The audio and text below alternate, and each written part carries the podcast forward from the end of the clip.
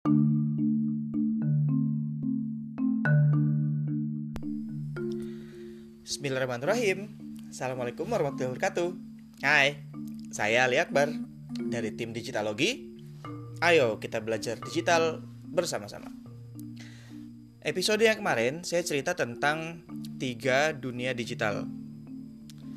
Hari ini saya akan mulai mengajak teman-teman untuk memasuki dunia digital ini satu persatu Tiga dunia digital yang udah pernah saya bahas adalah tentang Dima, Deko, dan Demi.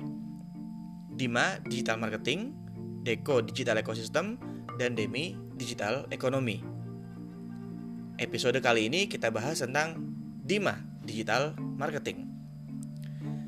Di dunia digital marketing, setidaknya ada tujuh ilmu optimasi yang teman-teman harus pelajari supaya sukses menggunakan marketing dengan gaya digital. Ilmu optimasi yang pertama namanya ilmu optimasi mesin pencari. Yang kedua, optimasi jejaring sosial. Yang ketiga, optimasi perangkat bergerak.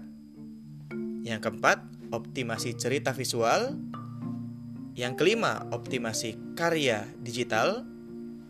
Yang keenam, optimasi kolaborasi komunitas. Dan yang ketujuh, optimasi pemetaan lokal. Ayo dicatat. Boleh ulang lagi sedikit ke belakang, terus catat satu persatu. OMP, OJS, OPB, OKD, OCV, OKK, dan OPL. Itu singkatan dari tujuh ilmu optimasi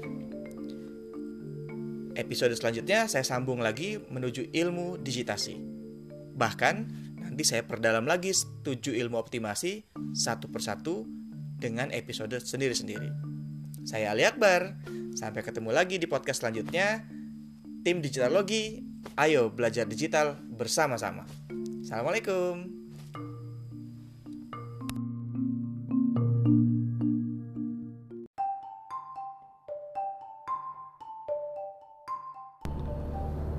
Bismillahirrahmanirrahim. Assalamualaikum warahmatullahi wabarakatuh. Hai, saya Ali Akbar. Ketemu lagi di podcast Kali ini. Saya mau ngebahas tentang ilmu optimasi mesin pencari. Salah satu dari tujuh ilmu optimasi Yang bagus teman-teman pelajari Untuk membuat strategi marketing digitalnya lebih baik. Apa sih ilmu optimasi mesin pencari? Secara sederhana Optimasi mesin pencari berarti Kita sedikit mengakali dalam tanda kutip mesin pencari Google untuk kemudian meletakkan halaman-halaman kita di halaman hasil pencariannya. Nah, untuk mengakali tadi kita harus me mempersiapkan halaman-halaman kita dengan beberapa teknik yang mesin pencari butuhkan di halaman kita. Kalau di ilmu optimasi mesin pencari yang saya bikin formulanya, saya menyebutnya setiap halaman itu seperti manusia layaknya ada kepalanya, ada badannya, ada kakinya. Nanti di kepala ada rambut, ada kuping, ada hidung, itu semua bagian dari cara kita belajar ilmu optimasi mesin mencari. Jadi, yang dioptimasi adalah halaman, bukan website. Ingat, satu website bisa ribuan halaman. Jadi setiap halaman harus kita optimasi supaya ditangkap, di crawling dan di indexing oleh mesin pencari Google tentunya banyak juga mesin pencari lain yang bisa kita bantuin. Tekniknya hampir mirip. So kalau teman-teman belajar ilmu optimasi mesin pencari insya Allah banyak manfaatnya buat digital marketing. Sampai ketemu lagi di podcast selanjutnya. Saya Ali Akbar. Assalamualaikum warahmatullahi wabarakatuh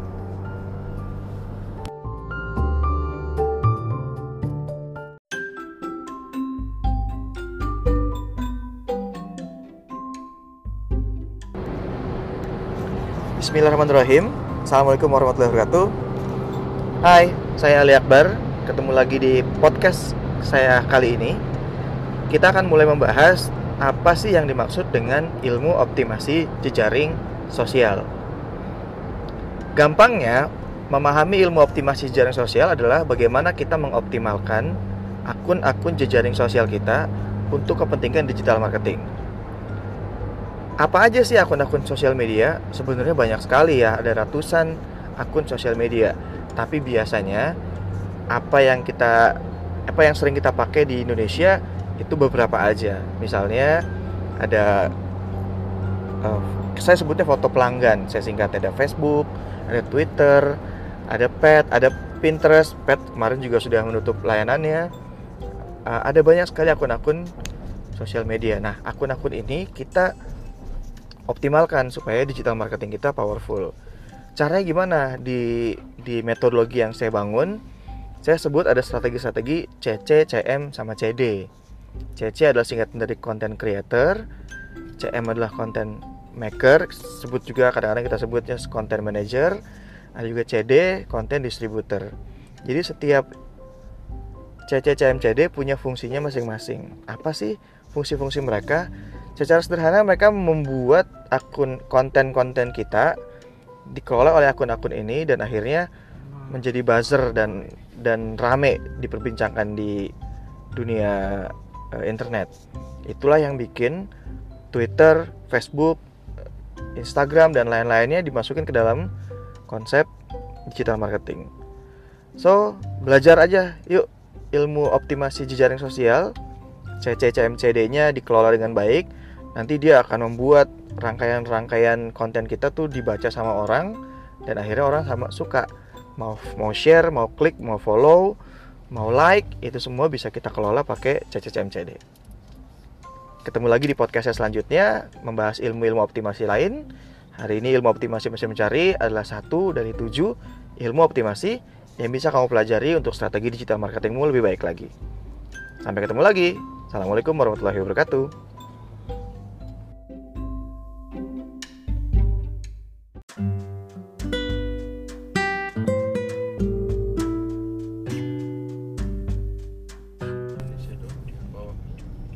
Bismillahirrahmanirrahim. Assalamualaikum warahmatullahi wabarakatuh.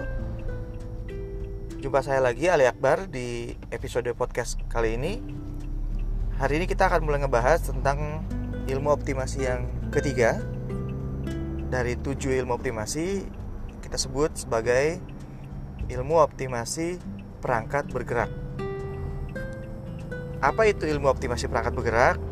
Paling gampang ingatnya sebenarnya ini messenger marketing jadi kalau biasa teman-teman pakai messenger uh, dulu masih ada BlackBerry Messenger kemudian naik lagi ada WhatsApp Messenger naik lagi ada Telegram Messenger ada Facebook Messenger juga tentunya. Terus sekarang cobalah mulai pakai Slack dan ada lagi Signal. Signal itu pecahan dari pemiliknya WhatsApp. Nah Messenger ini di Indonesia dibikin jadi kreatif banget. Dia bisa jadi tempat jualan saking orang Indonesia kreatif gitu wah WhatsApp WhatsApp dibikin grup-grup yang banyak. Sayangnya WhatsApp terbatas cuma 25 grup satu grup 25 member misalnya. Tapi uh, Telegram hadir kemudian menjadi solusi buat orang yang pengen nambahin lagi uh, member-member di dalam satu grupnya. Telegram bahkan bisa puluhan ribu sampai ratusan ribu. Saya pernah uh, ikutan sebuah akun Telegram yang membernya banyak banget. Nah Messenger marketing ini dipakai strategi-strateginya untuk teknik marketing juga beberapa bahkan menggunakan uh, channel-channel grup yang dia punya untuk disisipin iklan beberapa kali sih iklannya sih bentuknya masih manual gitu misalnya waktu dia nge-tweet, waktu dia masukin uh, waktu dia nge-tweet, tweetnya yang dimasukin ke dalam akun Telegramnya. Jadi member-member Telegramnya bisa baca sekalian.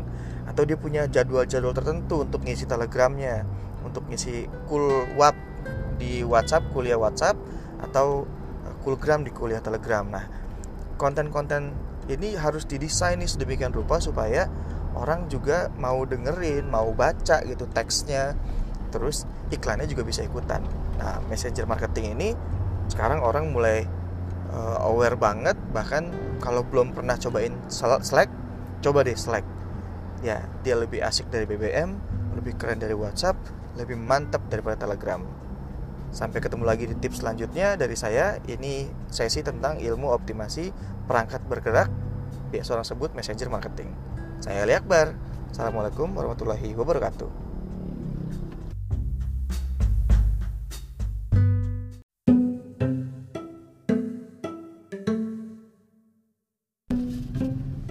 Bismillahirrahmanirrahim.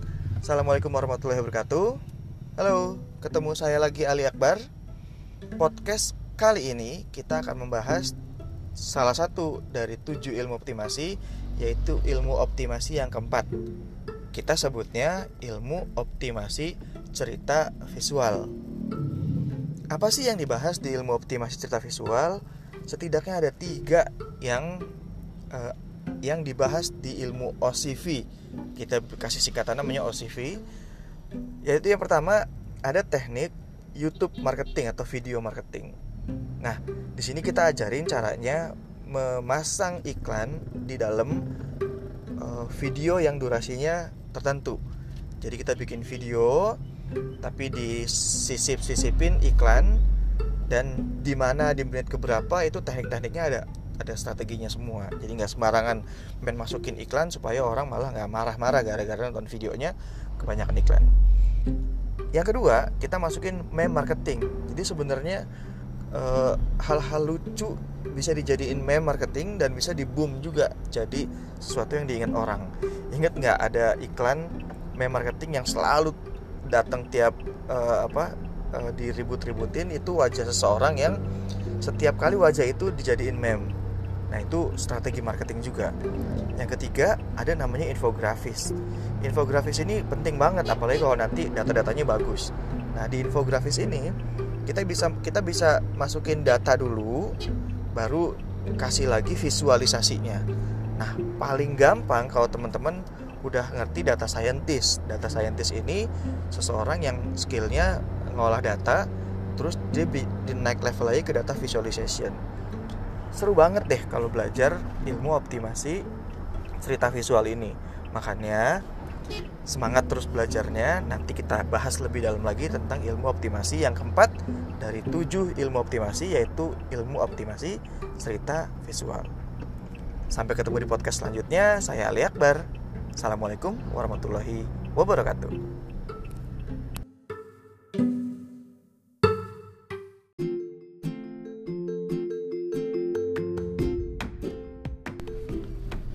Bismillahirrahmanirrahim Assalamualaikum warahmatullahi wabarakatuh.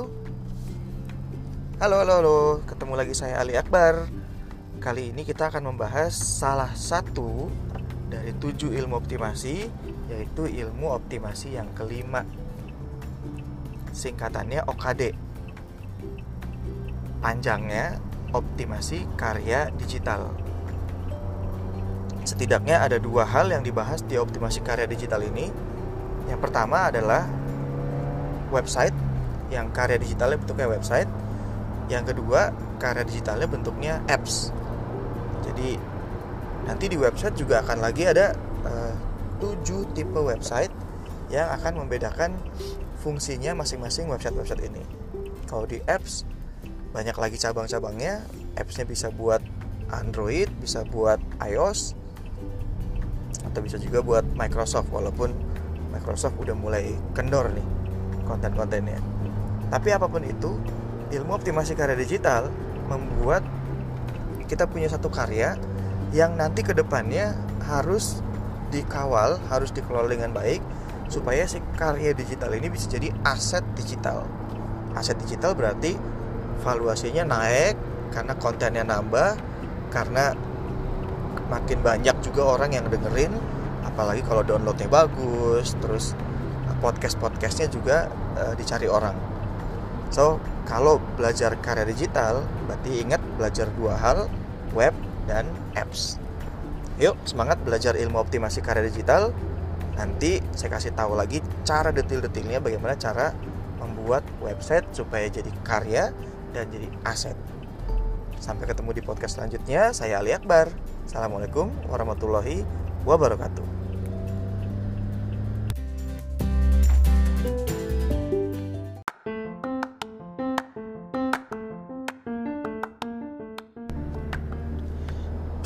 Bismillahirrahmanirrahim. Assalamualaikum warahmatullahi wabarakatuh. Hai, ketemu saya lagi Ali Akbar di podcast kali ini. Kita akan mulai membahas ilmu optimasi yang keenam. Kita singkat optimasi kolaborasi komunitas dengan OKK apa sih yang dipelajari di ilmu optimasi kolaborasi komunitas? Ada lima sebenarnya yang kita bahas lebih detail kalau di ilmu optimasi kolaborasi komunitas. Lima banyak banget ya, iya emang banyak banget. Setidaknya saya kasih tiga aja dulu ya, supaya teman-teman tetap mau belajar melalui podcast ini. Di ilmu optimasi kolaborasi komunitas, yang pertama pasti kita membangun sebuah website yang bentuknya komunitas. Emang beda dengan website yang lain? Beda. Web komunitas beda dengan website lain. Kenapa? Karena web komunitas ini kontennya diisi oleh membernya, bukan oleh si adminnya. Jadi kalau admin yang isi itu namanya website biasa. Tapi kalau membernya yang isi itu namanya web komunitas. Jadi bikin web komunitas yang pertama. Materi yang kedua adalah bagaimana mengelola komunitas ini, mengelola web komunitas ini dengan mendapatkan income. Dari mana income mengelola komunitas? Ada setidaknya 14 sumber income web komunitas. Jadi istilahnya kalau ibaratnya keran air, ada 14 keran air yang kita buka kerannya, airnya ngalir, tinggal kita taruh aja ember di bawahnya, terus kita jadi kaya raya deh karena ngelola web komunitas. Yang ketiga, tadi yang pertama web komunitas membuat web komunitas yang kedua 14 sumber income webcom dan yang ketiga adalah kita tahu apa aja sih 12 unit bisnis yang bisa keluar yang bisa dihasilkan dari mengelola komunitas ini. Jadi bisa jadi si 14 sumber income itu menjadi 12 unit bisnis bahkan jadi 12 perusahaan. Saya akan bahas lebih detail lagi di podcast selanjutnya. Ada 14 sumber income webcom, ada 12 unit bisnis digital yang nantinya akan nyambung semuanya. Tunggu saya di web di podcast selanjutnya. Sampai ketemu lagi, saya Ali Akbar. Assalamualaikum warahmatullahi wabarakatuh.